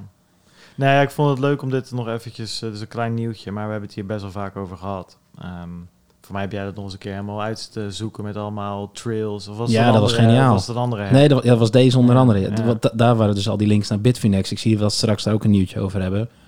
Dat Ja. van, van Hot Wallet naar Hot Wallets werd getraind en dat soort dingen. Dat was wel, eh, was wel grappig. Ja. Of grappig, niet, eh, helemaal niet grappig, maar Geinig. geinig. Nee, joh, ik zat eh Bitfinex, dat klopt. Daar zag ik ook wat. En ja, ik vond het nieuwtje nog niet eens zo heel interessant, maar er zitten een paar grappige aspecten aan, of geinige aspecten. De kop is Bitfinex Tether subject to trillion dollar class action lawsuit. En ehm, ik ben het op gaan zoeken hoe dat nou precies een beetje zat. En er is dus een groepje mensen die een class, of een, voor mij een groepje advocaten, die een, die een class, class action lawsuit. En wat is dat? Dat zijn een paar mensen die dan voor een hele grote groep mensen, die allemaal hetzelfde leed, eh, door hetzelfde leed getroffen zijn, een rechtszaak aanspannen. Voor mij, eh, die, die Scheringa-bank hebben ze dat voor mij ook gedaan. Dus wel vaker die man die, hoe heet die, eh, die, die altijd van dat soort dingen doet. Die, die, die heeft zo'n... die, ah, daar hebben we het vaker over gehad. Nou, misschien kom ik er nog op. Die man die dat onderzoek, of die, die, die, die groep heeft gestart. Weet je nou maar, die, die eigenlijk die bank heeft omgegooid waar ze altijd van... eh, Nou, dat eh, hadden we even voor moeten bereiden dan. Ja, nee, Welke ja. bank? De, D- Ja, de DSB. DSB. die knakker die toen geïnterviewd was, zegt ja, je moet nu je geld eraf halen. Ehm, nou ja, laten we dat maar even... nou, als jij je verhaal doet, dan ga ik even een soort uh, Nou ja, kijk, ja, de nou ja, precies. Ja, we, hebben we zo'n belletje of niet? nee, ja, kijk, weet je wat het was? Het is een. Dus een hele grote groep mensen kunnen zich daar aansluiten. En eh, ze hebben dus eigenlijk... ehm, ze klagen dus het moederbedrijf aan. Dat moederbedrijf heet Efinex. En dat is het moederbedrijf van Bitfinex en van Tether en whatever. En eh, die klagen ze aan wegens a sophisticated scheme... eh, ehm, ehm, ehm, ja, koopt het staat hier disruptive innovation, cryptocurrency and use it to defraud investors, manipulate markets and conceal illicit proceeds. Dus het eigenlijk gaat over het hele pumpen en dumpen wat er altijd gezegd wordt dat ze bitcoin gepumpt hebben met tether en gedumpt hebben en marktmanipulatie en ja, al die onwetende lieve eh, Henk en Ingrids die, eh, die naar de markt komen. Die zijn er allemaal ingetrapt door het grote, eh, enge Bitfinex en, en Tether. Ik zie dat jij het belletje Ja, rinkelt. ik, eh, Pieter Laakman. Ja, daar hadden we het laatst over. Maar dat is dus ook degene die dat... ehm, Ja, die zit overal, probeert hij ze lekker te frustreren. En vaak heeft hij Nou ja, la- waarheid. Maar Ja, maar lekker frustreren. Hij had laatst die... eh, eh, daar hadden we het vorige week... Dus dat was nog wel interessant. Daar hadden we het vorige week over met, met eh Lieke en Ronald. Van, joh, daar werd gezegd van de baas van ING... Die vind ik dat hij er niet... Of vind ik dat zei Lieke in dit geval... dat hij er niet met een... schikking vanaf mag komen. Die moet eh, gewoon strafrechtelijk vervolgd worden. En dat is toen niet gebeurd, want er was die schikking. En nu heeft Pieter Lakenman volgens mij weer een, een of andere rechtszaak geopend. Of in ieder geval iets voorgebracht bij de rechter. En nu bestaat er dus wel weer de kans dat die bestuurders van ING alsnog vervolgd gaan worden. Maar dat, dat soort dingen doet hij wel vaker. Hij is een soort Robin Hood die daar achter al die eh, grote enge banken ja, aan als er geld halen valt, is vaak natuurlijk. Hè. Hier staat Stichting Onderzoek Bedrijfsinformatie. Daar is die eh SOBI. Daar is die de, Ja, dat, geeft die leiding aan. Maar goed, dat dwalen we helemaal af van Bitfinex. Misschien moet die Ja. Bitfinex eens onderzoeken. Nou ja, ja, dat is wel interessant. Nee, hier staat dus. ehm, ik zit even te kijken. Hij heeft daar al in mei was hij daarmee bezig. Hier staat het 2 oktober. Dat is in- interessant. ING-baas Ralf Hamers wordt mogelijk toch vervolgd om witwasaffaire. En eh, ja, dat is dus. da- daar komt hij weer met die Sobi-stichting. Ja. En hij wil dus dat Hamers alsnog strafrechtelijk vervolgd wordt. Maar goed, daar is dus niet per se geld te halen, meer gerechtigheid of zo, blijkbaar. Ehm, Ja, ik weet niet hoe dit allemaal gefinancierd wordt, maar volgens mij... Nou ja, kijk, weet je- weet ik veel. Ja, nou ja, waarschijnlijk zullen ze wel inmiddels wel in, eh, eh, door onder andere die DNB eigenlijk ook wel iets van een war chest hebben waar ze wat uit kunnen, kunnen putten. Nou ja, anyway, misschien moet hij inderdaad achter Bitfinex aangaan. Maar goed, daar zijn dus nu deze groep advocaten achteraan gegaan. En die zeggen eigenlijk dat Bitfinex drie, of in ieder geval iFinex in dit geval, drie dingen hebben gedaan. Eh, ze hebben dus een monopolie op de stablecoin business met Tether. Ja, oké, dat is zo. Maar aan de andere kant kan, kan je als advocaat van duivel ook zeggen van ja, Er zijn alternatieven. ja en eh, in de nieuwe markt, ja, weet je, eh Binance heeft ook een monopolie op, op de Ja, exchanges. en Backed ook. Backed heeft op de... Dus dan is de vraag van, heb je dat dan eh, misbruikt? En dat is dus Mhm. wat Mhm. hierna komt. Van ja, dat is dus ook zo. Ze hebben dus marktmanipulatie gepleegd hè, door die tethers bij te drukken, bitcoins te kopen, tethers bij te drukken, nou, enzovoort. Het is natuurlijk gratis geld. Ik bedoel, die dingen werden bij, bij, bij de miljoenen, honderden miljoenen bijgedrukt. En ze hadden toch geld kwijt en dat is ook weer dit voor gebruikt. Dus ja, het is natuurlijk nou, wel... het was natuurlijk een raar verhaal. Ze hebben nog steeds, we hebben het hier al anderhalf jaar over, ze hebben nog steeds geen audit gedraaid volgens mij. Dus nog steeds geen duidelijkheid. Plus, eh, er staat van, ze hebben een racketeering scheme ehm, ja, eh, uitgevoerd. Dus dan ik, nou, wat is dat nou? Rackete- racket- eh, Racketeering? Racketeering. Rocketman. Rocketman ra- racketeering scheme. Racketeering, daar, hebben, daar vond ik een voorbeeld uit de Wolf of Wall Street. Daar gaat het dus om dat die Jordan Belfort op een gegeven moment aan een, aan een ruimte met mensen vraagt van... joh, verkoop mij deze pen. Nou, iedereen komt in een bullshit verhaal. En op een gegeven moment zegt één iemand van... joh, eh, wil je mijn naam even opschrijven? Waarop die Jordan natuurlijk vraagt... ja, dat wil ik wel. Heb jij dan een pen voor mij? Nou, die heeft die man wel, want die probeerde die te verkopen. Dus racketeering is eigenlijk een markt of een vraag creëren voor iets waar eigenlijk helemaal geen vraag voor is. En dat hebben ze dus met die tethers, niet per se met die tethers gedaan, maar wel met het pumpen en dumpen en pumpen en dumpen van die hele markt en het, en het, en het kunstmatig maar omhoog pushen van die prijs, dat iedereen dacht van, oh, hier is geld te halen, hier moet ik ook wat mee, nou, enzovoort. Anyway, ehm Bitfinex zegt van, nou ja, volgens mij is het allemaal gebaseerd op een een of ander niet peer-reviewed eh, eh, artikel of paper wat er is. En dat zegt allemaal niks. En eh, er zullen nog wel meer mensen voor een opportunistic lawsuit gaan. En we zien het allemaal wel, wel gebeuren. Ze kunnen ook weinig anders zeggen in dit stadium. Ja, precies. Maar nu heb ik het best voor last bewaard. Want ik zag dus dat ze dus een... ehm, eh, ja, die rechtszaak, dat ze dus... ze eisen 1,4 biljoen dollar. Even voor duidelijkheid. Ik heb het echt eh, zitten vertalen. Ik dacht, hebben we het over miljarden, mi- miljoenen? Nee, biljoen. Dat is een 1 met eh 12 nullen. Duizend miljard. Ja, gestoord veel. Toen dacht ik, nou, dan wil ik wel eens weten eh, hoeveel eh, dollars er überhaupt zijn in de wereld. Nou, met, eh, met, met echte dollars, fysieke dollars, hè, dus eh, bankbiljetten, kan je deze boete eh, net betalen volgens mij. Volgens mij zijn er, is er 1,4 biljoen van alle dollars zijn in, ehm, in bankbiljetten. Pin me er niet op vast hoor, maar ehm, toen ben ik verder gaan kijken op die website van de Federal Reserve. Ehm, en daar staat dus dat er op dit moment 15 biljoen dollars zijn. Ook digitale dollars. Dus de M3 heet dat, geloof ik. Ehm, dat is dan eh, cash en digitaal bij elkaar opgeteld, whatever. Nou, mijn rekenskills, als die mij niet eh, in de steek laten, is dat ongeveer dus... In deze rechtszaak wordt dus ongeveer 10% van alle dollars die er zijn op de wereld, fysiek en digitaal, geëist. Is de moeite.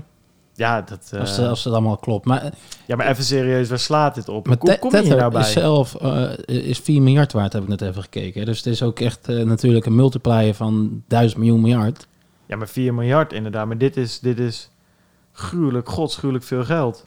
Dat is niet normaal. En ik, ik snap ook niet hoe dat, waar dat nou weer van... Ja, waar ja, komt het nou weer vandaan? Amerika. Eh, aim high en eh, zie je waar je, waar je belandt, denk ik. Want ja, hoe dit onderbouwd wordt, geen idee. Heb- Hebben die mensen dan echt schade geleden door, eh, door dit, zeggen ze? Of hoe, wat Ja, is hun nou claim? ja, kijk, ja... of kan, weet- kan ik gewoon iets claimen waar ik zelf helemaal geen schade van heb gehad? Ehm, ja, dat weet ik niet zo goed. Misschien, nou ja, kijk, ja, weet je, ze hebben de markt gemanipuleerd. Dus als ik bitcoin heb, zou ik kunnen zeggen... Ik heb daar last van gehad, want ze hebben de prijs van bitcoin gemanipuleerd. Dus ja, waarschijnlijk hebben ze heel veel profijt van gehad. zij wel, maar ik misschien niet. Ik bedoel, eh, als er een, een of andere in Am- Amerika iemand de aandelenmarkt zit te manipuleren... kan ik daar gewoon op de AEX als kleine belegger ook last van hebben. Mhm. Weet ik niet of ik dan mee kan doen aan zo'n class action. Maar dat is wel een beetje het idee van een class action lawsuit. Dat dat volgens mij... Ehm, nou ja, het is, een goede vraag. Moet je direct schade geleden hebben?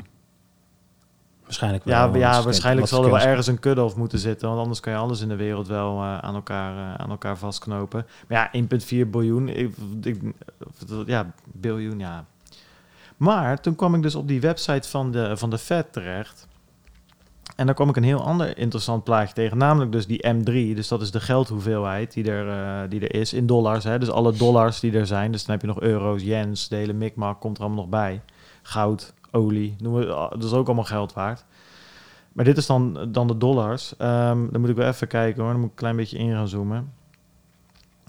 Nou ja, het kwam er dus op neer. Ik heb het eronder geschreven trouwens, zie ik nu. Dat is slim uh, van, van mijn uh, uh, past zelf. In 2008 was het dus 8 biljoen. En zoals ik net zei, zitten we nu in 2019 zitten we op 15 biljoen. Flink bijgeprint. Of ja. hebben ze andere assets verkocht of zo? Of, ik heb geen... Nou, dat kan dus niet. Ja, dit is dollar. Er is meer. Ja, dit is, dus, dus, ik bedoel, er zijn meer dollars gekomen. Dus je kan, ja, je kan voor andere dingen verkopen, maar daardoor komen er niet meer dollars bij. Dan kan je meer dollars. Ja, meer pounds, euro's, weet ik veel. Ja. Nou ja, ja nee, dat, het kan gewoon niet. Weet je, je hebt, dit, dit is gewoon de totale bak met dollars. En, en, niet wie ze bezit of waar ze liggen. Oké, okay. oh, het is niet. Oké, oké. Ik dacht dat het in bezit was van. Oh, met, okay, nee, nee, dus nee, precies. Nee, nee, precies. Als jij dat zo zegt, inderdaad, dan kan je inderdaad zeggen dat. Nee, dit is echt de totale hoeveelheid dollars die er is. Ik ging er vanuit dat zij dit onder beheer hadden. En nee. daarom zou het kunnen oplopen. Want als het vanuit ja, verspreid is en ik heb er meer van gekregen. Maar oké, okay, nee, dus dit is precies, dat, dat, dat had gekund. En hier dus, er staat dus de M3 voor de United States. Uh, verdubbeld. Um, ja, dat is, dat is dus verdubbeld bijna. Daar zitten we bijna. Um, ja, vanuit 2008, dat is natuurlijk in de crisis, is een tijdje stabiel geweest. Dus ik denk, als ik hier even kijk, zie ik vanaf 2000 11 dat we echt zijn gaan groeien. Ja, een behoorlijk sprong en daarna gewoon een uh, streep omhoog. Kijk, en, en, en kijk, wij zijn er nooit, wij staan nooit echt heel erg complottheorie of denkend erin. En ik probeer er altijd wel uh, objectief en, en een beetje in het, in het midden te blijven. Of in ieder geval, daar voel ik mezelf het fijnste. Want ik weet, ik weet in ieder geval van mezelf dat ik bij lange na niet alle kennis heb om hier iets heel definitiefs over te zeggen. En ik ben van mening dat geen enkel mens dat heeft. Maar goed, dat, dat moet iedereen voor zichzelf bekijken. Dus ik kan hier ook niks definitiefs over zeggen of iets heel echt een conclusie trekken. Maar ik heb wel zoiets wat ik kan zien. Dat, dat we vanaf 19, uh, wat is het, 65 of zo, 1950, van 1 miljard naar uh, 2008 naar 8, uh, of biljoen moet ik zeggen, 1 biljoen naar 8 biljoen zijn gegaan. En dat dat in tien jaar daarna naar 16 gaat. Het is wel echt. Um, dus er komt maar geld bij. Ja. Nou ja, nou, ik, ja, ik zeg net, ik wilde niks definitiefs of wat raars over zeggen. Maar ik heb wel zoiets dat dat voelt niet helemaal goed of zo. Ja, maar ik, dat vind ik dus altijd weer lastig. Want uh, dit, ik weet niet wat precies wat mij dit zegt. Er is dus meer geld in omloop. Ja, dus is geld uh, maar de algemene standaard van rijkdom die wij hebben ten opzichte van, nou jij haalt ergens 1970 of 80, weet ik veel aan, in die omgeving waar 1 biljoen is is ook niet te vergelijken. Dus het heeft niet alleen maar ons niet... Het heeft ook wel dingen gebracht. Ik bedoel... Uh, elektrische ja, ik denk, auto's nee, maar vliegen overal heen en, en ik weet niet veel wat dan. Nee, dus ja, de welvaart ik, ik moet je ook tegenaan plotten. Ik, ik, ja, ik, denk dat het kapitalistische systeem ons van alles gebracht heeft. Het hele idee van steeds maar investeren met je geld en altijd maar meer willen, eh, meer produceren, meer maken. Dat, ja, dat leidt er gewoon toe eh, dat er dus ook altijd meer gemaakt wordt. Dat leidt tot innovatie, tot nieuwe medicijnen en wat je zegt, allemaal technologische dingen. Dus ik denk dat het heel goed is.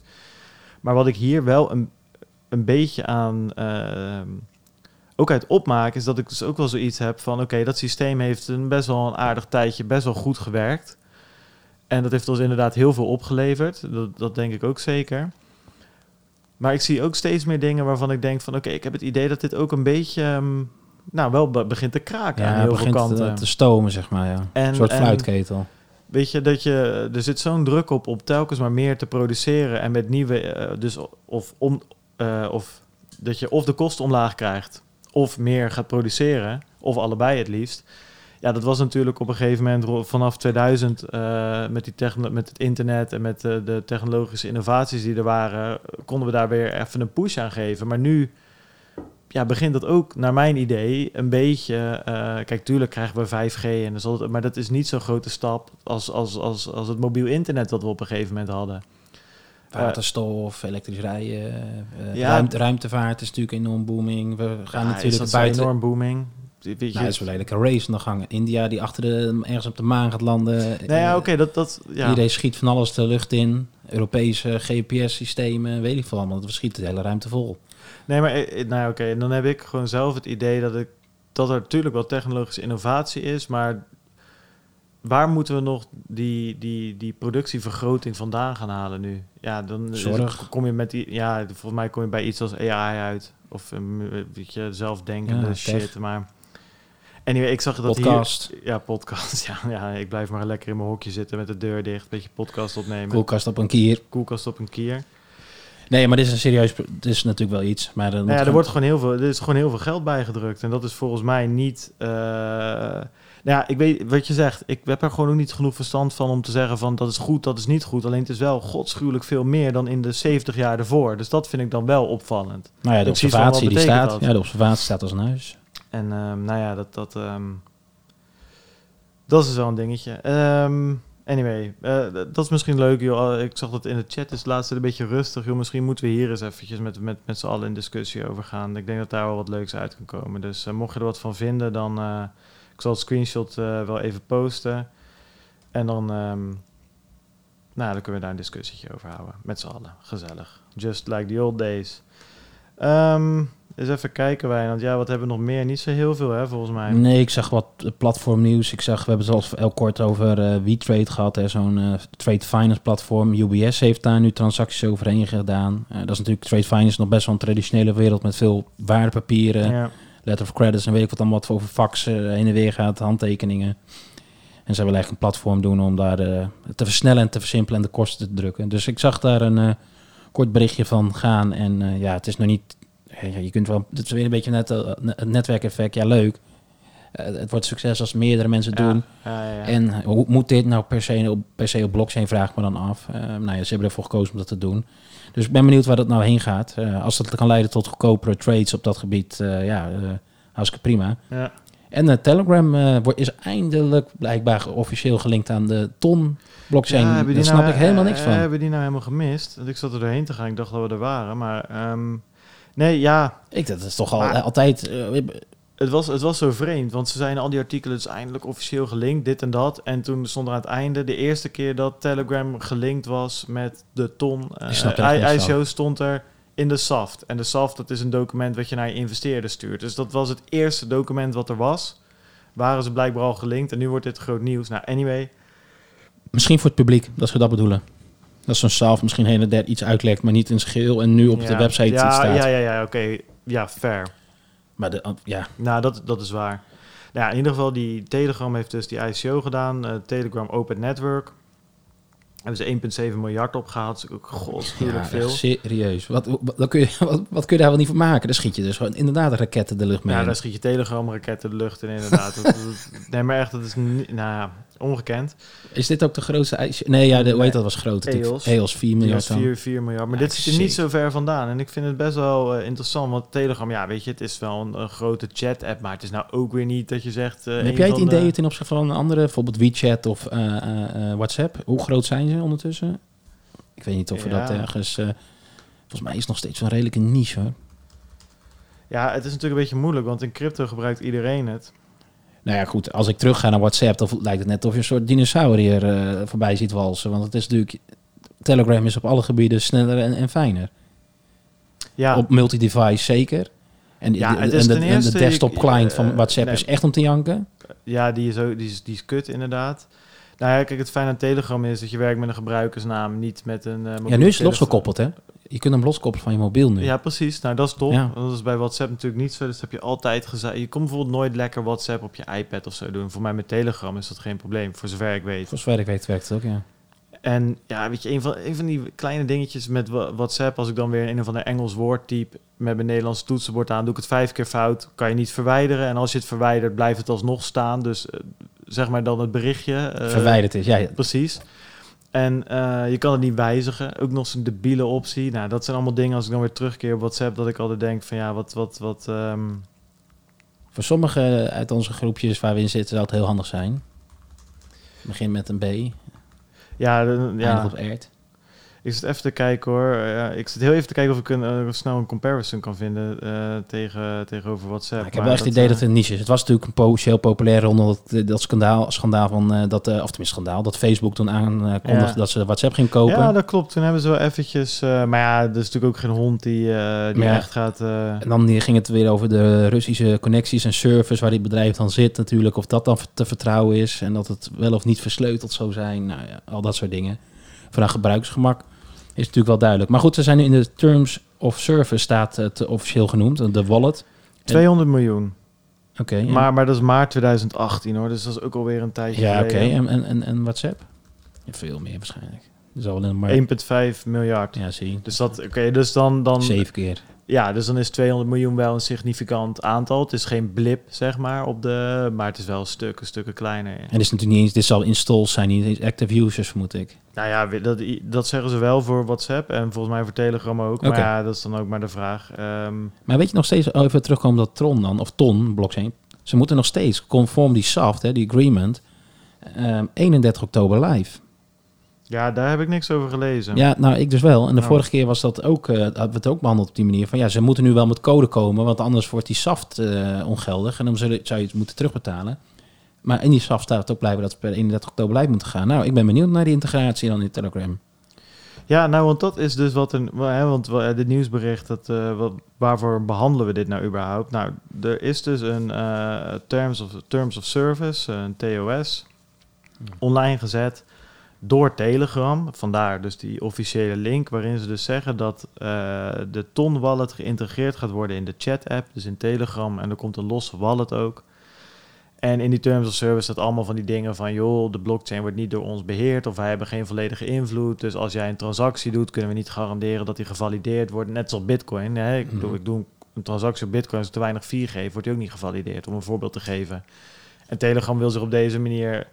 dat snap ik ook wel, een beetje indekken... dat je niet opeens een gebruiker hebt die zegt... ja, Telegram, mijn transactie werkt niet. Ja, zo werkt het ook niet op een eh, blockchain. Maar ik ben wel benieuwd. eh, ja, kijk, we hebben het net over Libra gehad, die worden aangepakt. Nou, Libra zou het uiteindelijk ook in WhatsApp of Facebook willen integreren. Hier gebeurt eigenlijk nog gewoon hetzelfde. Ja, hier gebeurt ook hetzelfde. Het Ja, goed, ze eh, zijn het- gevestigd in Rusland, zover ik eh, weet. Misschien ergens anders in een of ander land. Nou maar ja, dat is wel een interessante. Want dit is natuurlijk ook gewoon je eigen munt slaan. Ehm, Zo, voor alle altcoins, et cetera, werkt het natuurlijk. Maar dit is ook echt een mean of payment. Dit is ook, eh, dat, Ja. dat, dat staat er ook letterlijk. Ze willen het voor betalingen doen en weet ik veel wat. En ze kunnen je niet, als je je wachtwoord hebt kwijt, ben je het ook echt kwijt, hè, de private key. Ze kunnen het niet herstellen. Ja, ik vraag me af wat dit nou... Het, het, het is gewoon... Het smells like Libra. Alleen dan... ja, alleen dan zonder 26 andere Zonder, partners. En ja, of die zijn nog dat niet aangekondigd, dat weet je niet. Misschien zitten die op de, op de bank wel te wachten. Ja, Of vormen ze gewoon niet een officiële organisatie, maar gaan ze het wel integreren. ja, ja, zeker. Dat zou kunnen. Nou ja, nou, eh, mijn gut feeling, maar ja, wat zegt dat? Eh, ook niet zoveel. Ik denk nou niet dat, dat de Ubers en de, en de Mastercards op de bank zitten te wachten totdat Libra of dat eh, Ton in dit geval live gaat. Maar, maar dat zijn allemaal ehm, Amerikaanse bedrijven. Dus als we nou naar de, ja, maar ja, die gebruiken we nou wel veel in het Ja, Westen. en, ja, ja, maar goed, Maar Rusland en nee, nee, ik ben het met je eens hoor. Ik bedoel, het zou zomaar, het zou zomaar kunnen. En in Rusland zitten ook megabedrijven. Dus ehm, ja, ja dat, nou, laten we dat in de gaten houden. Maar ehm, Nou, je ziet in ieder geval heel veel gebeuren met die, die chat-apps en al dat. Het, is natuurlijk een groot deel het- van wat we überhaupt zijn, onze digital identity ondertussen. ja, nou ja, het is natuurlijk ook super interessant. Want je gebruikt het om, om te communiceren de hele dag door. Dus als je dan ook daarmee betalingen aan elkaar kan doen. Ja, dat, dat is het hele tikkie-idee eigenlijk een beetje. Hè? Dat is trouwens ook geniaal natuurlijk van ABN. Dat het wordt zeker, kijk, uiteindelijk nu met instant payments kan ik jou ook binnen vijf seconden betalen in, in, in euro's dan. Dus het is allemaal natuurlijk. eh, Ja, maar die, Kan- het gaat, gaat natuurlijk om die integratie. Exact, het gebruiksgemak. die- en volgens mij, nou weet ik dat niet helemaal zeker, maar dacht ik dat bijvoorbeeld mijn ING zit ook weer geïntegreerd in mijn, in ieder geval in mijn iMessage, dacht ik. Oh wacht, dit is mijn ik voice. gebruik mail. iMessage eigenlijk niet. Nee, Nee, als ja, ik oproepen eh, eh, eh, ja. heb. Nou ja, er is geen hond die dat gebruikt in Nederland, maar in Amerika zijn dus echt mensen die niet weg willen van hun iPhone, omdat ze dus omdat zoveel mensen iMessage gebruiken. Ik kan hier wel via de? ING-app een, eh, ik laat even zien aan Wijnand via mijn telefoon, een eh, betalingsverzoek naar Oh, iemand ja. sturen. Dus die integratie is er dan, is er dan wel. In ieder geval via iMessage. Je kunt in ieder geval een verzoek indienen. Nou, Voor, bij WhatsApp zit hij er volgens mij niet in. Niet zo direct. Natuurlijk kan je je verzoek wel via WhatsApp delen. je deelt gewoon een link. wel. Maar het gaat er natuurlijk om dat je eigenlijk niet je, ING-app wil openen. Of je banking-app. Nou, en dat is natuurlijk ook met eh, NFC. Je legt gewoon je telefoon eh, op de, op de betaalterminal en het werkt. Dat Ja. is precies wat je wil eigenlijk met, in WhatsApp. Eigenlijk, je wil de app niet meer uit. Nee. En dat proberen ze natuurlijk wel. Hè? Een, een, een Telegram probeert dat nu. ja, WhatsApp probeert, of eh, Facebook probeert het via, weet ik waar die allemaal zitten. nou ja, Libra dus. Ja. Oké, nou dat was het laatste nieuwtje. Nou hebben we het toch maar weer mooi volgemaakt. Ehm Nou, maar daarom, er is best wel veel eh, gebeurd. ja, maar kleine leuke, eh, leuke nieuwtjes. En even nog één keer als recap. Wanneer is nou die Libra-hering? Wanneer was dat nou? 23 oktober. Oké, nou. eh, Moeten we toch weer de agenda terug gaan brengen in eh, die? Dat hebben we in de eerste afleveringen nog wel gedaan. Ja, De nou, crypto-agenda. Nou ja, dit is eh, zeker om even in de gaten te houden. Het is denk ik niet te missen te zijn de tijd. Er zal wel honderdduizend eh, artikelen live op Twitter, Coindesk en waar dan ook verschijnen. Maar eh, Ja, we moeten eens even kijken hoe we dat gaan doen. Ik vond het vorige keer wel leuk om daar wat dieper in te duiken. Ehm, maar ja, dat gaan we tegen die tijd wel zien. 23ste, twee weekjes. Dus dat, dat zit dan ook precies natuurlijk. Dat is wel mooi. Het zit op een woensdag. Dat is wel interessant. Nou, anyway, daar komen we later op terug. Ik denk dat dit hem was, Wijnand. ja, laat hem... Ik ga niet met de shortcut eh, naar de auto als je het niet erg vindt. Nee, dat zou ik niet doen als ik jou was, inderdaad. Ik ook niet. Ik heb hier voor de deur staan voor de verandering ook. Dus dat eh, moet helemaal goed komen. Joh, ehm, vind je deze podcast leuk? Dat is hartstikke mooi. Bedankt daarvoor, ten eerste. eh, namens eh Wijnand en ik. Maar join ook onze Telegram groep. Volg ons op Twitter. Eh, alle links kan je vinden op www.satoshiradio.nl. Eh je kan ons ook op diverse manieren steunen. Eh, nou, ook dat staat allemaal op de website. Nou, zoals ik al zei, Wijnand, thanks dat je er was. Volgende week, wat hebben we volgende week? Ja, bedankt dat ik hier weer mocht zitten in, de- in de studio. Ja, het, het is steeds Het wordt, het wordt hier steeds voller. Echt, ik, ik zit straks denk ik op een poster van, hoe heet die, Black Mirror. Ja, we hebben Black Mirror posters. Ik heb hier daarnaast ook nog wat Japanse anime posters. Wat Een soort rekenmachines, break- browsen. Breaking Bad. Nog allemaal andere, andere geinige dingen. Ik heb een cameraatje hangen tegenwoordig. Dus als je er ook maar aan denkt om hier iets te stelen. Het staat allemaal, eh, nou niet 4K, maar wel 1080p gewoon. Livestream. Livestream eh, via China terug naar mijn telefoon. Want dat is natuurlijk wel een, een Xiaomi eh, camera. Hey, nee, voor, volgende week volgens mij zitten we dan met, eh, met Olivier van Duin van Leibit. Dus dat wordt ook weer interessant. Kunnen we eens vragen hoe het daar gaat met, eh, met de KYC en EML. eh hebben we voorbereidingen. En eh, ja, of zij alweer een beetje een toename in het aantal gebruikers zien. Daar ben ik eigenlijk ook wel benieuwd naar. Volgens mij is de laatste tijd allemaal niet zo heel denderend in uh, Ik heb geen idee. Ja. Nou ja, dat zegt het al een beetje. Dus als, als jij al niet... eh, nou, ik denk niet zo afhankelijk zijn van mijn eh, volume. Maar Nee, niet van het volume, maar wel van de interesse. Dat is toch een beetje een pijler voor hoe misschien de rest er ook een beetje over denkt. Ik zie de laatste tijd ook de Telegram groepen zijn allemaal wat rustiger eh, her en der. Dus volgens mij is het iedereen weer in de, de winterslaap. het, is weer, het, is, het is weer tijd. Ehm, nou ja, in ieder geval, dat gaan we volgende week allemaal, allemaal bespreken. Voor nu bedankt voor het luisteren allemaal en graag tot volgende week. Adios. Thank you.